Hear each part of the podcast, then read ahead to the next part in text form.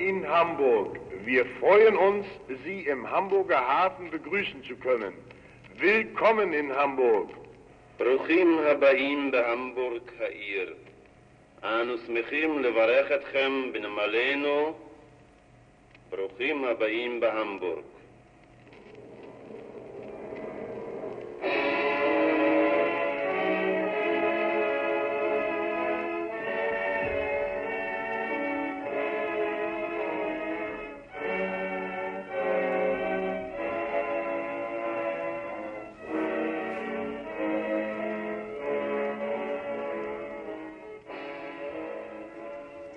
Det er Israels nationalhymne, de hører. Den lyder en del forvrænget, for det store højtaleranlæg ved indsejlingen til Hamburg Havn har svært ved at få bugt med fralandsvinden. Men meningen er god nok. Hamburg byder dem velkommen til sin havn, brøler højtaleren ud over elben, først på tysk og derefter på hebraisk. For det skib, der er på vej op ad elben, hedder Ensmode og tilhører det israelske rederi Israel Navigation Company. Hun kommer direkte fra Haifa og Tel Aviv, og i det øjeblik, hun er på højde med højtaleranlægget, takker hun med et stød i sirenen, og der kippes med flaget både her på land og på dæk. Tysklands største havn og den jødiske handelsmarine udveksler æresbevisninger. Øjeblikket forekommer ganske historisk.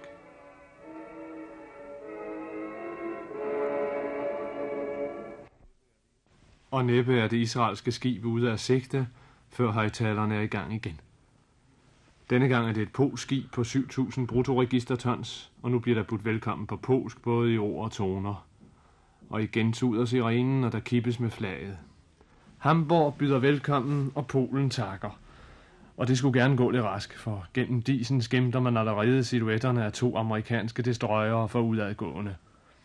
Og nu bliver det ceremonielt i den helt store stil med tre lange tuder, bådsmandspibe og paradeopstilling på styrbordside og Star Spangled Banner og de hjerteligste ønsker om et snarligt gensyn. Schiffsbegrüßungsstation hedder dette højtaleranlæg, der ligger i Schulau uden for Hamburgs havn. Det er en privatmand, en restauratør inde fra Hamburg, der har fået den idé at sige velkommen og farvel til hvert eneste oceangående skib, der passerer. Som dreng har han stået her og vinket med sit lommetørklæde, og som voksen har han skaffet sig alverdens nationalhymner på gramofonplader og fået indtalt hilsner på alle tænkelige sprog. Og det hele har foreløbet kostet ham små 100.000 kroner, og det er efterhånden betydeligt mere, end han havde regnet med. Men det ser ud til, at søfolkene kan lide det. Og det har givet ham betydeligt mere at bestille, end han oprindeligt havde regnet med. Dengang han begyndte at gå og pusle med ideen, nogen tid efter krigen, Dengang var det vel en 10-12 skibe per dag, der nærmest stagede sig op gennem den vragfyldte flod til Hamburg Havn. Det kunne gå endnu et par år efter, hvor der passerede en lille snes forbi om dagen. Det var mest allierede skibe, der kom. De kom med levnedsmidler, tøj og care packets til det tyske folk, og de sejlede hjem med de demonterede dele af den tyske industri. Det var i 1948. Men i dag, i dag er velkomstmaskineriet i gang dagen lang. 80 skibe skal der sige goddag og farvel til hver eneste dag, så de har ikke mange ledige øjeblikke derude på velkomststationen. Det tempo havde Hamburg-restauratøren aldrig drømt om.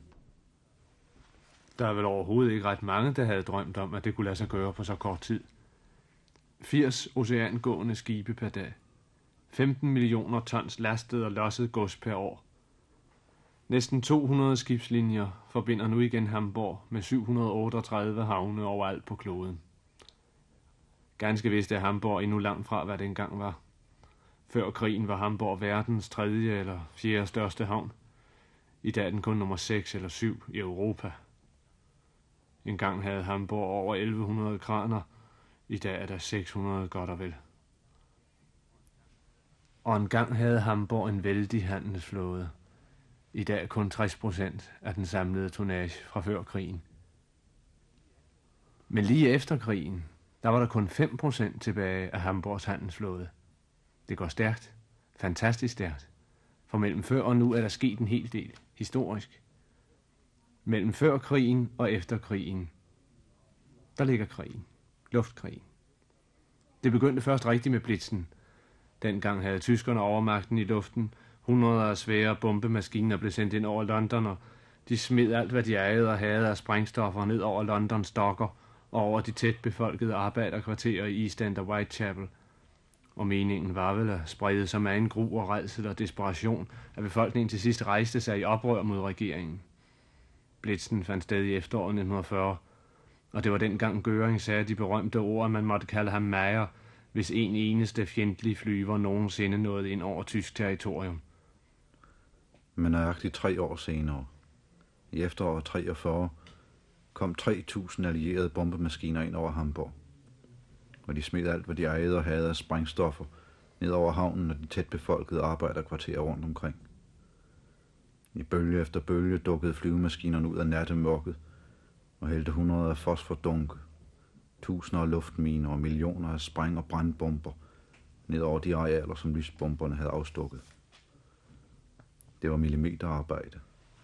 Den næste bølge fortsatte præcis, hvor den foregående havde sluppet, og kvarter efter kvarter blev systematisk afsraderet.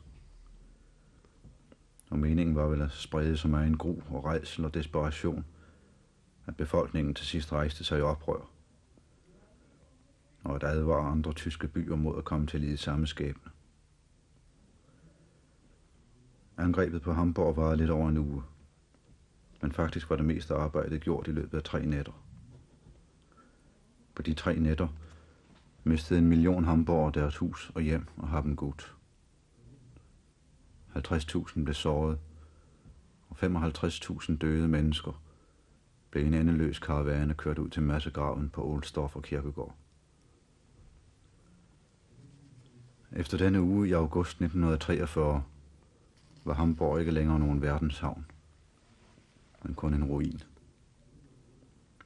Flere hundrede års udvikling var slået i stumper og stykker på tre nætter. Så kom kapitulationen. Det tredje riges totale nederlag. Men i Hamburg følte man nærmest den dag som befrielse. Byens befolkning havde aldrig været særlig nazistisk. Hamburg var kendt som et af de største og særligste modstandscentre mod nazismen. Endnu ved de sidste demokratiske tyske valg, seks uger efter at Hitler havde overtaget magten, stemte over 60 procent imod Hitler, til trods for den risiko, det indebar. På det tidspunkt var de første koncentrationslejre allerede oprettet, og SA-terroren beherskede gaden. Nej, dagen for det tredje riges undergang var ingen sørgedag for Hamburg. Kapitulationen var dagen, der lovede en ny begyndelse. Man kunne igen lægge tag på husene, smække vægge op og sætte ruder i vinduerne. Nu kunne man begynde at søge efter resterne af sin splittede familie. Men kapitulationen var også dagen for et politisk systemskifte. Diktaturet var forbi, koncentrationslejrene blev lukket op, frie og almindelige valg blev gennemført, og de af naziregimet forfulgte demokrater blev indsat som universale arvinger til dødsboet efter det tredje rige. Og hvilket dødsbo? Hvilken arv? Det var en frygtelig status, Hamburgs borgmester Max Brauer måtte gøre i 1946. Gewiss, Hamburg liegt in Trümmern. Es blutet aus tausend ungeschlossenen Wunden. Um uns so schnell wie möglich aus der schlimmsten Not emporzureißen, müssen wir mit drei Elendsquellen fertig werden. Die erste heißt Hunger und Hungersichtum. Die zweite heißt Wohnungsnot und die aus dem entsetzlichen Wohnungsmangel hervorgehende Verelendung der Menschenmassen. Die dritte heißt Kälte und Brennstoffmangel. Frierend hocken unterernährte Hunderttausende in herbstfeuchten Wohnungen, sitzen in ungeheizten Kontoren und Werkstätten und sind den steigenden Gefahren der gesundheitlichen Anfälligkeit ausgesetzt. Die alten Kleidervorräte, die immer wieder gestreckt worden sind, verfallen bei Hunderttausenden langsam in Lumpen und es fehlt selbst an Nägern und Nadeln zum Zusammenflicken. Wer das Leben des Durchschnitts Hamburgers kennenlernen will, sich in die Schlangen vor den Lebensmittelläden. Er gehe in die Bunker und Behelfswohnungen, in die es hineinregnet und schneit. Er schaue sich das harte und entsagungsreiche Leben der arbeitenden Bevölkerung an und suche die Baracken am Rande der Großstadt auf. Unser Kampf gilt also vor allem dem Hunger. Mit 1500 Kalorien lässt sich keine neue Stadt und keine Demokratie aufbauen. Hamburgs Gedeih und Verderb bleibt sein Hafen. Wiederherstellung des Vertrauens und positive Zusammenarbeit sind notwendig, damit die unabsehbare Fülle der Aufgaben gelöst werden kann, die Hamburg im Rahmen des europäischen Gesamtwiederaufbaus vorbehalten sind. Auch im Überseehandel muss Hamburg wieder das Tor der Welt werden, das es vor 1933 gewesen ist. Hamburgs havn ligger i ruiner, sagde borgmester Brauer. 100.000 hamburgere sidder i ødelagte huse og i barakker og sulter og fryser. Efter alle de krigsår er deres tøj så slidt, at det snart falder fra hinanden i pjalter, og ikke engang nål og tråd er til at opdrive. Hvis ikke disse mennesker skal bukke under for sygdom og udmattelse, må der skaffes mere mad og mere varme. Med 1500 kalorier om dagen kan man ikke bygge nogen by, og heller ikke noget demokrati. Der må skaffes nye eksistensmuligheder, og Hamburgs eksistens afhænger af havnen. På liv og død er Hamburg by og Hamburg havn forbundet med hinanden. Hamburg må genvinde Europas tillid for atter at blive porten til verden.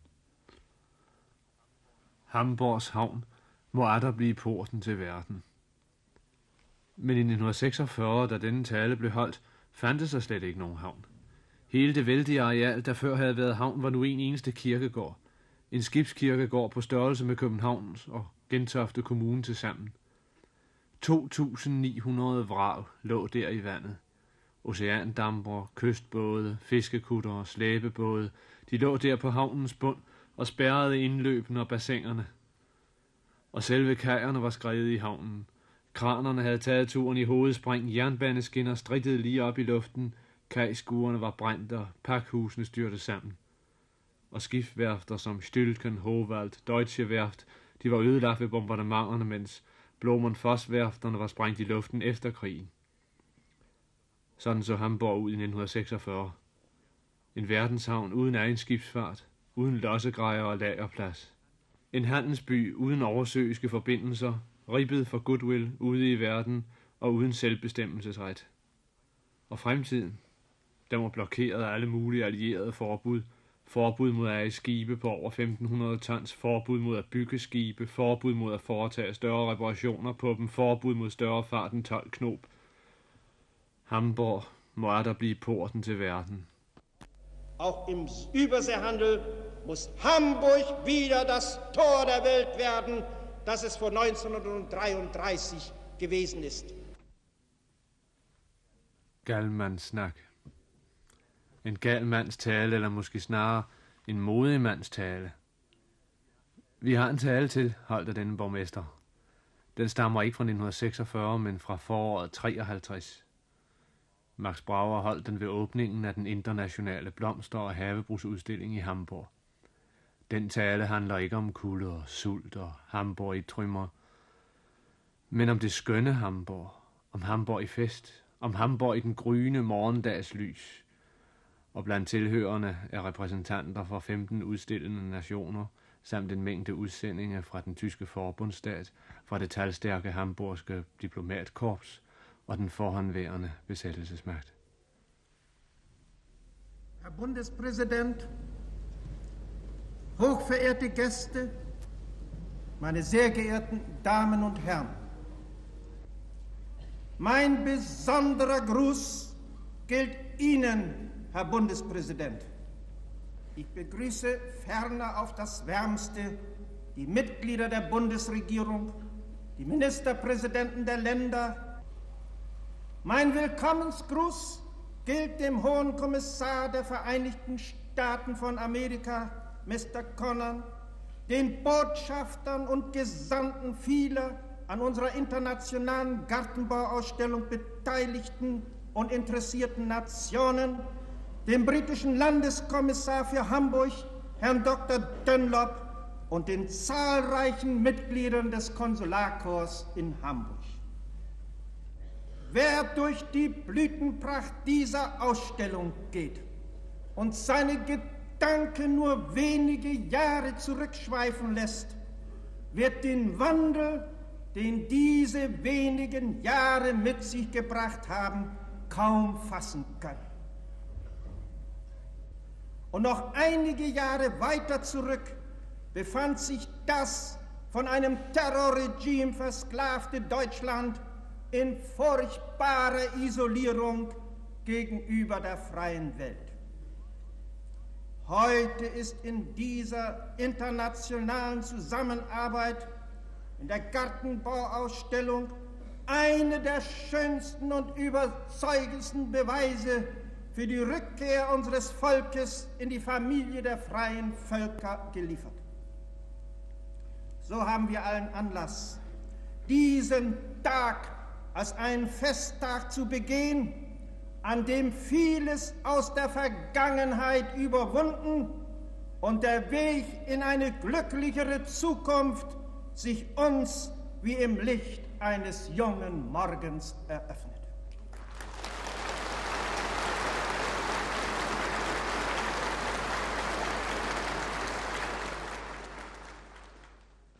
Der er sket utrolig meget i Hamburg på de syv år, der ligger mellem de to borgmestertaler. De første to-tre år skete der nu ikke så meget. Med 1500 kalorier kan man ikke bygge en by. Men så i 1949, efter pengereformen, da befolkningen var kommet til kræfter, så begyndte det for alvor. Først oprydningen. Ruinerne skulle rives ned, og murbrokkerne køres væk. 42 millioner kubikmeter murbrokker. Man regnede dengang med, at det ville tage 18 år at få dem kørt væk. I dag er det mest allerede overstået. Omkostninger 200 millioner kroner. Der skulle bygges nye boliger. Der skulle bruges vældige mængder af byggematerialer. Så blev murbrokkerne sorteret, og murstenstumperne taget fra og lavet til nye sten, og det er forløbig blevet til 135.000 nye lejligheder. Siger det dem noget? 135.000 lejligheder – det svarer til tre byer på størrelse med Aarhus. Omkostninger 2,5 milliard kroner. Og Hamburg består jo ikke bare af lejligheder. Der skulle også rejses forretningsejendomme. Sammenkrøllede banegårde skulle filtres fra hinanden igen og overdækkes med glas. Fabrikker skulle sættes i stand, bygges om eller bygges op fra grunden og udstyres med alle mulige maskiner – i dag er 170.000 mennesker beskæftiget i Hamburgs industri. Og Hamburg består også af hospitaler og alderdomshjem, og offentlige toiletter og teatre og museer og biblioteker og skoler. I hele Hitlertiden blev der ikke bygget én skole i Hamburg. I dag bliver der bygget en skole hver måned. Og der er blevet indrettet 150 legepladser og 73 sportspladser. Der er blevet anlagt store badestrande og parkanlæg med 50.000 nye træer – Hamburg er i dag en by med nye smukke anlæg, med buske og stauder.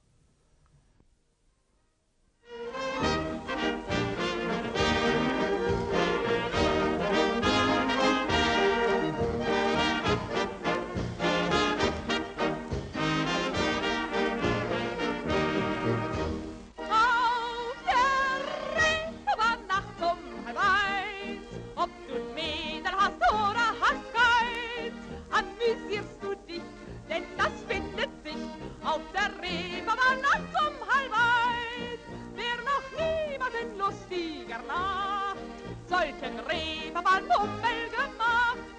Ist ein armer Wicht, denn er kennt dich nicht, mein St. Pauli, St. Pauli bei Nacht.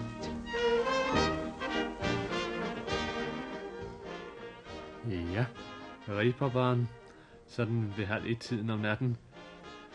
Hamburgs forlystelseskvarter er også ved at være genopbygget, mere elektrificeret og neonbelyst og mekaniseret end nogensinde før, og meget mere nøgen. Flere nøgenballetter, flere afklædningsnumre, flere smæk for skillingerne. Og færre og færre søfolk, men masser af sefolk. Hele buskaravaner af dem fra alle herrens lande. Lokalerne hedder det samme som før i tiden, og Zillertals hovedattraktion er stadigvæk de originale vaskeægte tyroler og schublatler, født i Hamburg hele bundet, og Indre er der stadig, og Klein Paris, og Jungmühle, og Davidwache, Reeperbahns berømte politistation, kendt for sine hurtige udrykninger, sin detention og sine betjente, der måler 2 meter og 10 og vejer godt et pund per centimeter. Og tatoveringskunstneren er der igen, og har naturligvis fået elektrificeret tatoveringsnålen. Og vokskabinettet Panoptikon er der igen, med hele sin voksparade af konger og kejser og digter og massemorder og herfører, med modelleret om fra grunden igen.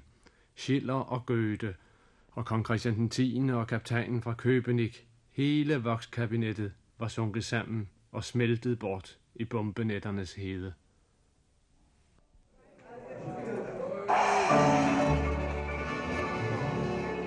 Ja, meine Damen und Herren, und jetzt unser Captain Alexa Seiler in einen richtigen uralten Shanty, Deutsch, Plattdeutsch und Englisch, Rolling Home.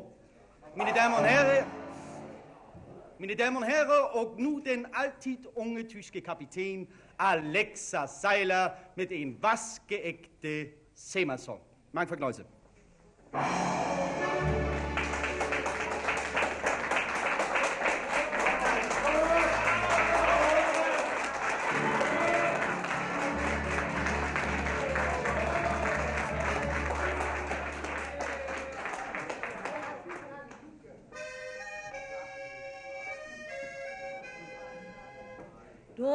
von Hamburg, mal so einen Kassen, mit den Nomen Heide Mackelhung. Da war den ganzen Tag kein Titer brassen, dat leidt man ans bit oben stund. Wie Dach, da kundet immer Wein und Blosen, da war noch lang kein Hand an der Licht, aber obens ebenso noch vergelosen, da war der ganze Schiedkranz direkt. Rolling home, rolling home, rolling home across the sea rolling dear old Hamburg, rolling home, sweetheart, to see ahoy.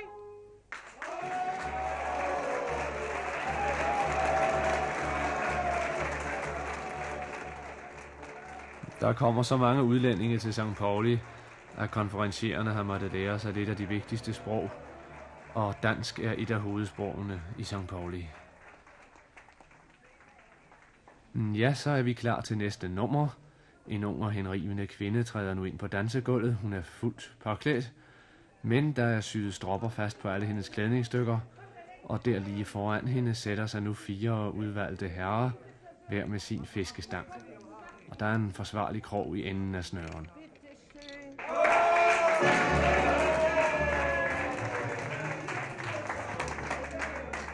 Ja, meine Damen und Herren, wir sind soweit. Diese vier bildschöne Männer sind jetzt auserkoren, unsere letzte Jungfrau zu entkleiden. Altså til den der undertøjfiskeri skal de fire herrer nu fiske den undertøj. Altså med denne fiskestang skal vi komme i denne hul til venstren og til højren. Og så trækker vi lidt, og så falder os i aften den sidste slør. Unsere Musik, die verwöhnt uns jetzt mit einigen charmanten Weisen und die, wär's gut, die beginnen mit der Fiskerie. Wollen Sie freundlich sein, meine Herren? Auf das Bolero, wär's gut. Ja, meine Herren, die skal ikke komme nervös. Ja, das war das erste Stück, recht schönen Dank. Og nu den kjole. Ja, det var den første stykke. Den anden stykke er den kjole. Denne her, det er virkelig dejlig fiske i aften. Ja, den skal få en stor præmie gratis. Ja, mange tak skal vi aldrig glemme. Ja, det var dejligt. Og nu, mine herren, eine schwarze combination. En sorte dame combination. Det stammer fra eks-kong Faruk. Det passer ikke. Nej, er bare. Det er bare. Ja, men dann wollen Sie sich mal Mühe geben. Dankeschön. Werde ich nie vergessen. Ja, ja, der Herr hat schon lange nicht. Und nun das Ganze einmal von hinten. Den Boosterholderen, den kommer nu. Ja, det er en mærkelig sak. Du kommer alle herrer nervøse. Ja, det siger også. Her har vi den lille hul. Her skal vi den stikke ind. Værsgo. 1, 2, 3, 8. Tak skal vi aldrig glemme. Og nu kommer den sidste slør. Der letzte Schleier, meine Herren. Und dann verschenken wir wieder gratis eine Prämie. Ja, Mühe geben, meine Herren. Denken Sie dran, es geht um die Wurst. Es geht um den Hauptpunkt. Es geht um die Prämie. Ja, nej, ikke derpå, ja. Altså hier, meine Herren, denne lille sige, ikke her. Jo, 1, 2, 3 und... Mange tak, so ansieht. Und so falder aus den sidste slør. Den andere Seite, bitte schön. Wollen Sie freundlich sein, meine Herren? Die andere Seite noch. Und dann wird wieder einer glücklich gemacht. Ja, so, tak.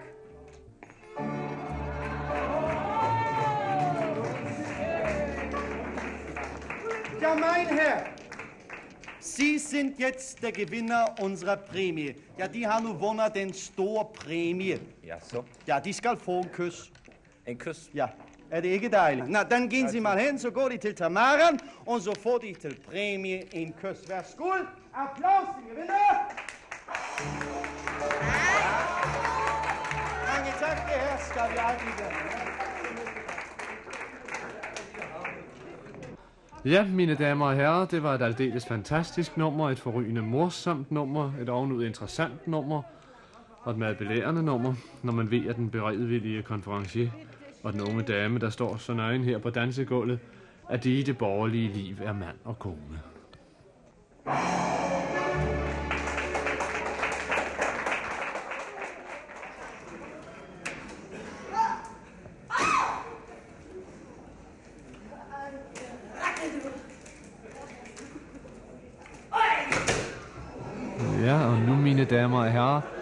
Vi gået et par huse længere ned i gaden. Vi er i lokale ved de große Freiheit. Og programmet er i fuld gang. Det er tung. En saftig kost, vi får serveret her. Det er damebrydekamp lige for øjeblikket.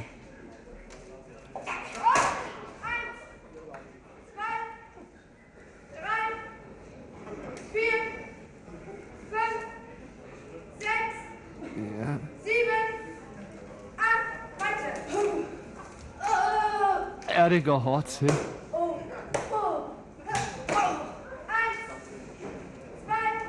Og for at det ikke skal være løgn, så slås damerne ikke på modder, men i mudder.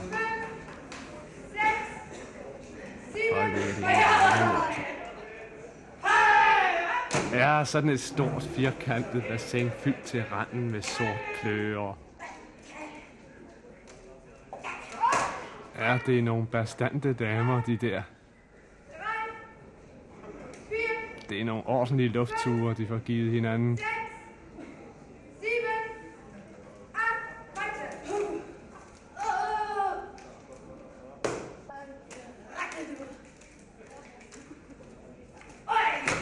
Ja, og mudderet sprøjter til alle sider.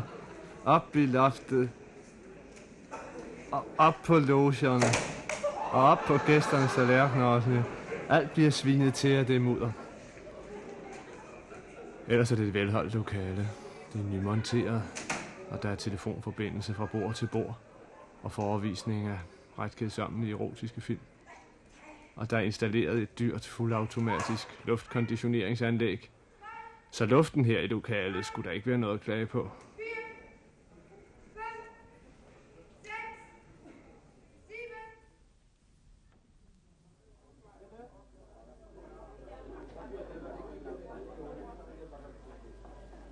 Her hvor vi er nu, er luften afgjort dårlig. Til gengæld er atmosfæren god nok. Vi er stadig i Pauli, men spektaklet her stammer ikke fra Reeperbahn. Vi er på en ærlig havneknejpe. Tobaksrøgen står helt ned til gulvet, og der lugter af akvavit og bommerlunder og dornkart og øl. Det er faktisk søfolk, der sidder her omkring bordene. Og dem henne ved skænken med den lille sæk over nakken, det er havnearbejdere, der lige skal have sig en genstand, før de går videre. Den sæk, de har på nakken, hedder en sampel. Hvis samplen er slunken, så er manden på vej til arbejde. Så indeholder den kun et par overtræksbukser, et koben og et slags syvtal. Men er han på vej hjem, så er der lidt godter med i posen. Opfagning bliver det kaldt. Det kan være en sample sukker, en sample kaffe, en sample korn til hønsene, et par appelsiner til børnene eller et par brædestumper til kakkelovnen. Samlen er en elgammel tradition for havnearbejderne i Hamburg, og den der så ikke så let afskaffe. Jeg er jo godt med spektakel, men absolut hyggelig. Og maden er god, og der er mægtige portioner af den. Og også øl. Og savner man musik, så smider man en mønt i apparatet her. Og savner man kærlighed, behøver man bare gå udenfor. Den står lige om hjørnet. Vi putter en mønt i klaveret og lader den spille. Schön ist die Liebe. Der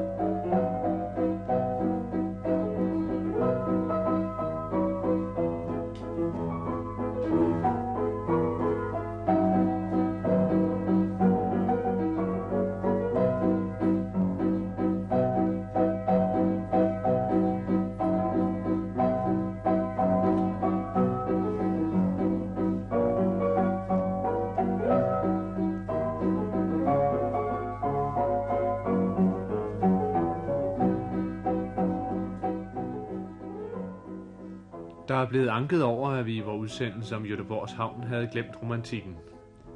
Vi har været på jagt efter den, men vi har ikke rigtig kunne finde den. Heller ikke her i Hamburg. På Reberbaren slet ikke. Det var bare grov business. Havneknejpen havde mere ægte stemning.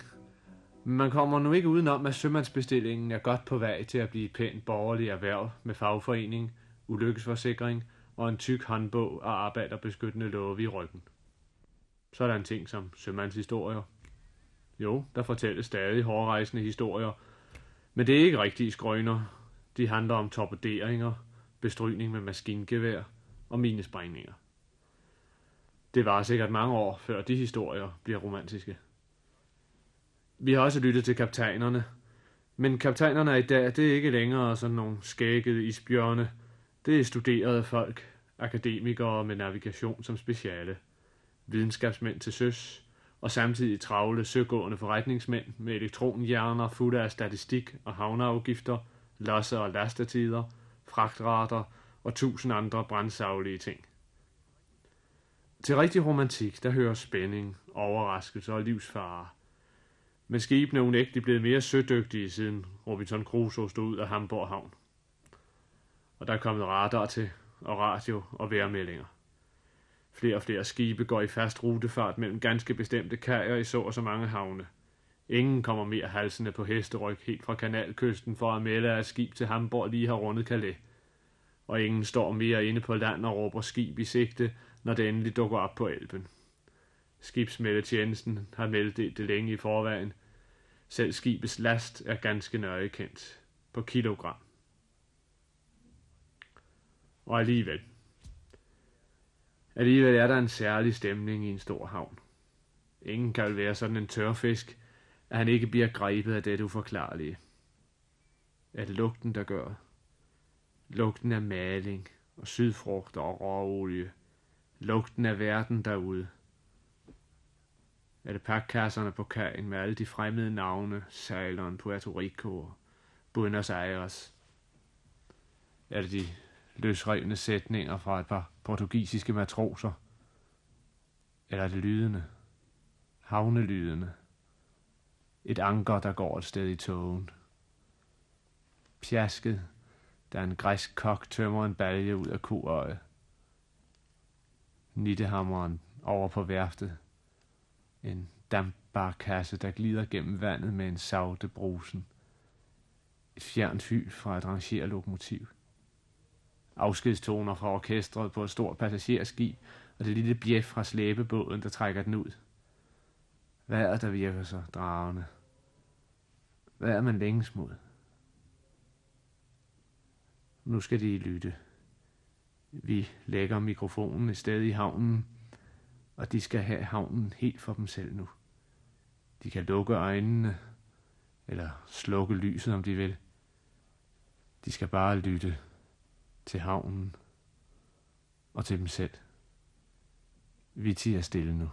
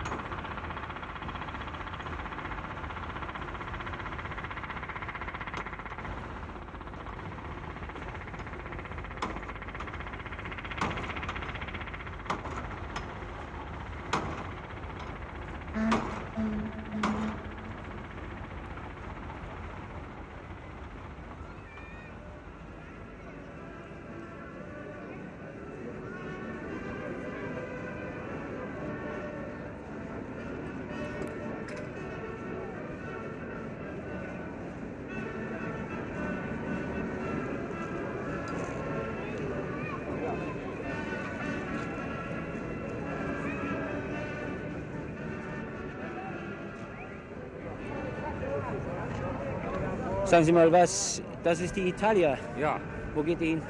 der geht jetzt rüber auf die andere Seite, ne? nach New York. Ah, nach New York. Ja, das ist die Ja. an andere Seite. Das äh, Schiff führt ja die Panama-Flagge, Ja, eben. nicht? Und äh, 1928 ist dieser Passagierdampfer gebaut worden und äh, als Kungsholm für die Svenska Amerika-Linie in Skandinavien wohl bekannt. Und jetzt ist es wohl so ein kleines Kuriosum in Panama registriert. In New York sitzt die Reederei. Der Reeder ist ein Grieche, Herr Eugenides. Das Schiff heißt Italia, weil das Schiff ursprünglich von Genua ausfuhr. Das Schiff hat eine deutsche Besatzung und neben der Hapag-Flagge weht oben am Achtermast die Flagge der Homelines. Sagen Sie, gehört das hier zum Job, wenn man hier im Hafen herumspazieren geht, dass man so ungefähr die Schiffstonnage und tausend anderen Sachen kennt hier? Ja, zum Job. Man interessiert sich, man ist Hamburger. Man liebt seinen Hafen, man liebt seine Schiffe.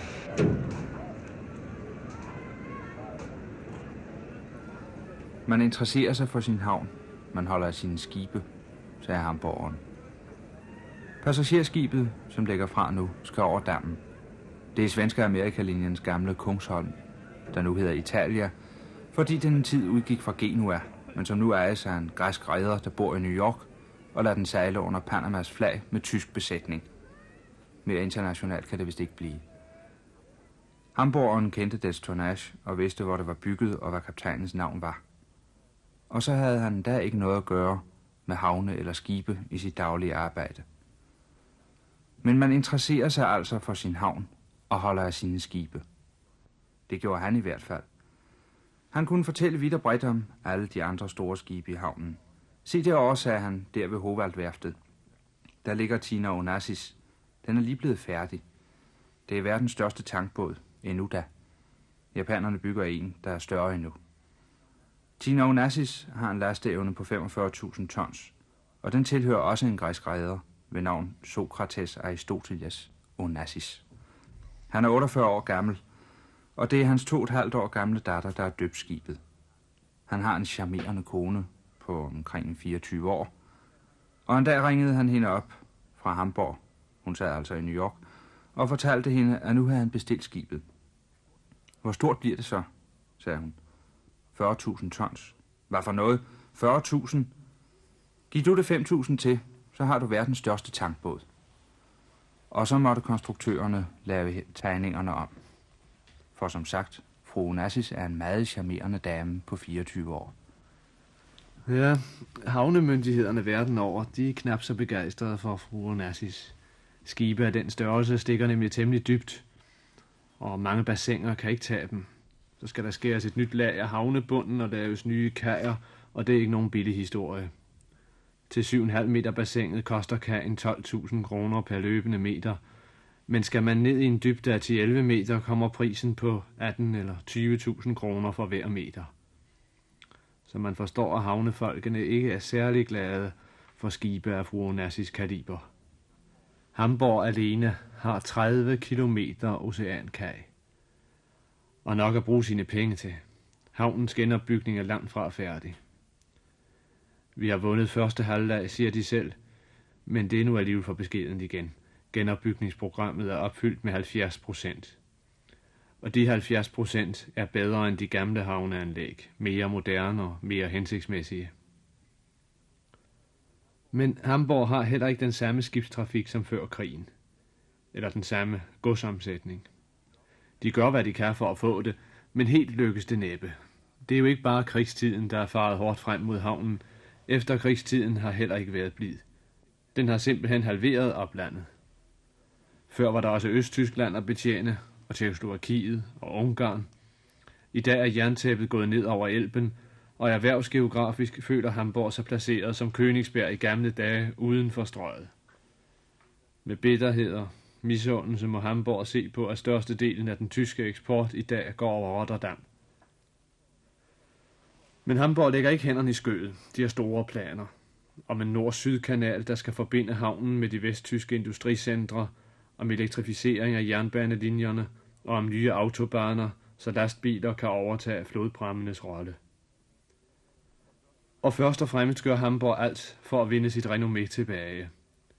Den hurtige havn vil Hamburg kaldes, og den offrer noget på det, 410 millioner kroner foreløbig.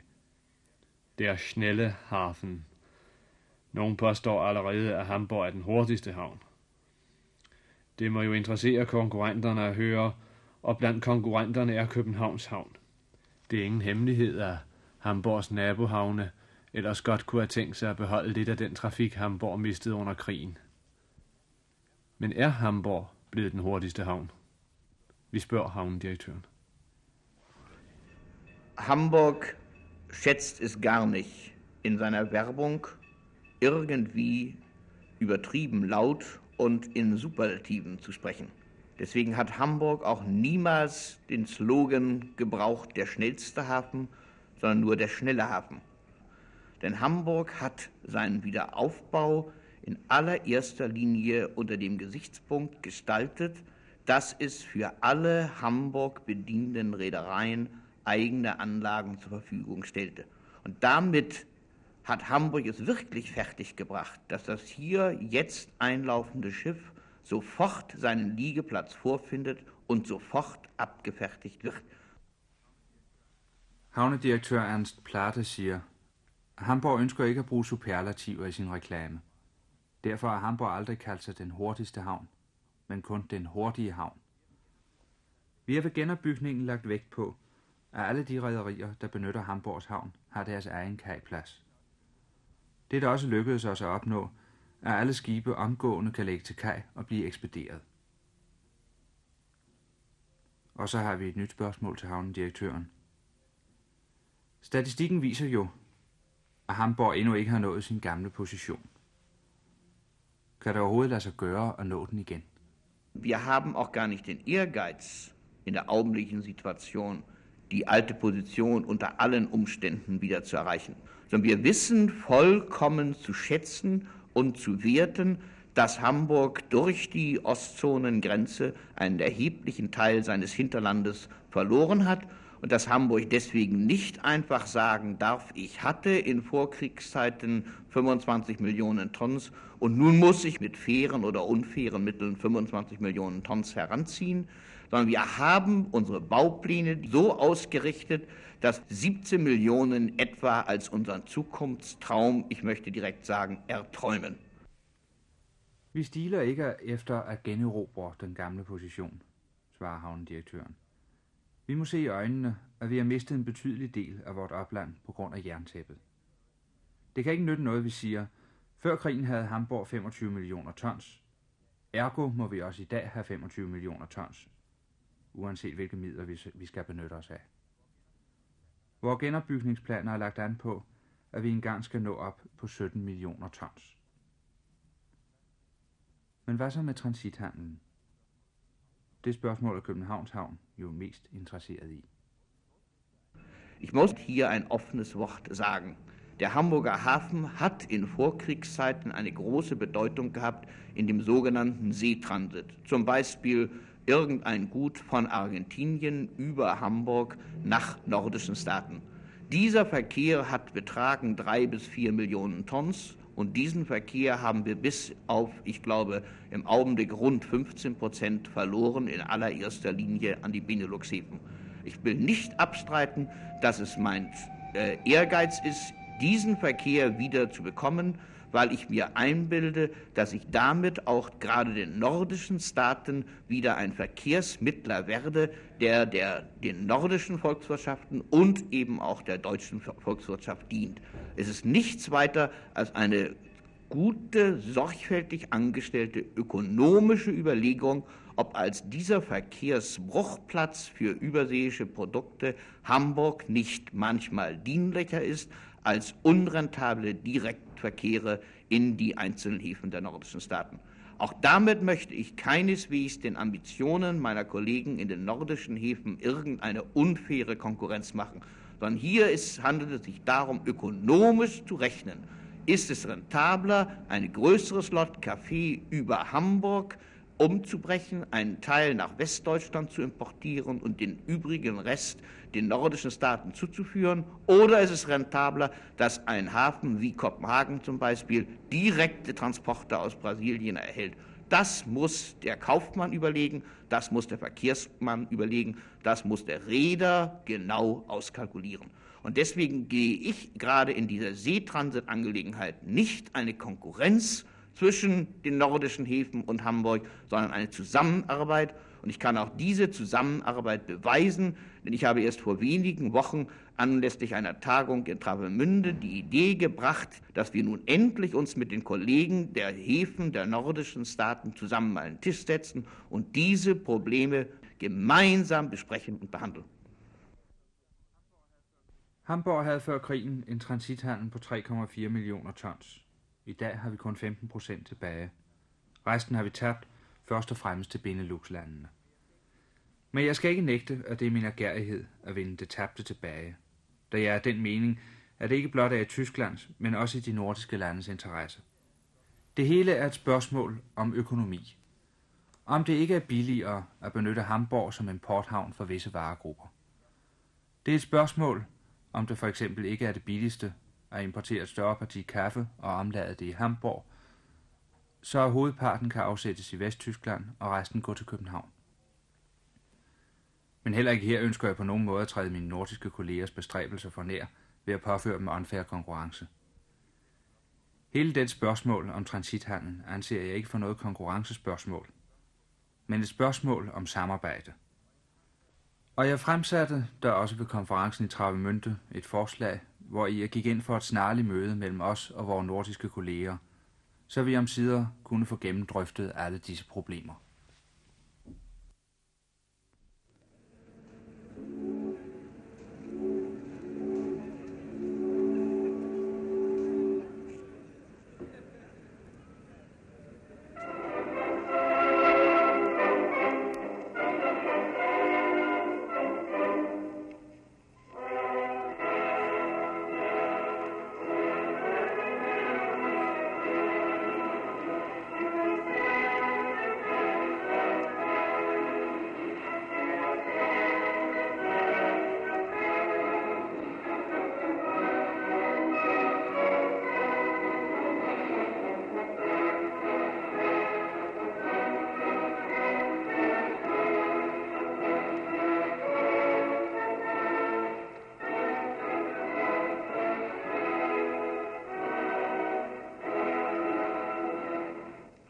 Hamburg wünscht Ihnen gute Reise. Wir hoffen auf ein baldiges Wiedersehen in unserem Hafen. Gute Reise. Hamburg ønsker dem god fart. Vi håber at se dem snart igen i vor havn.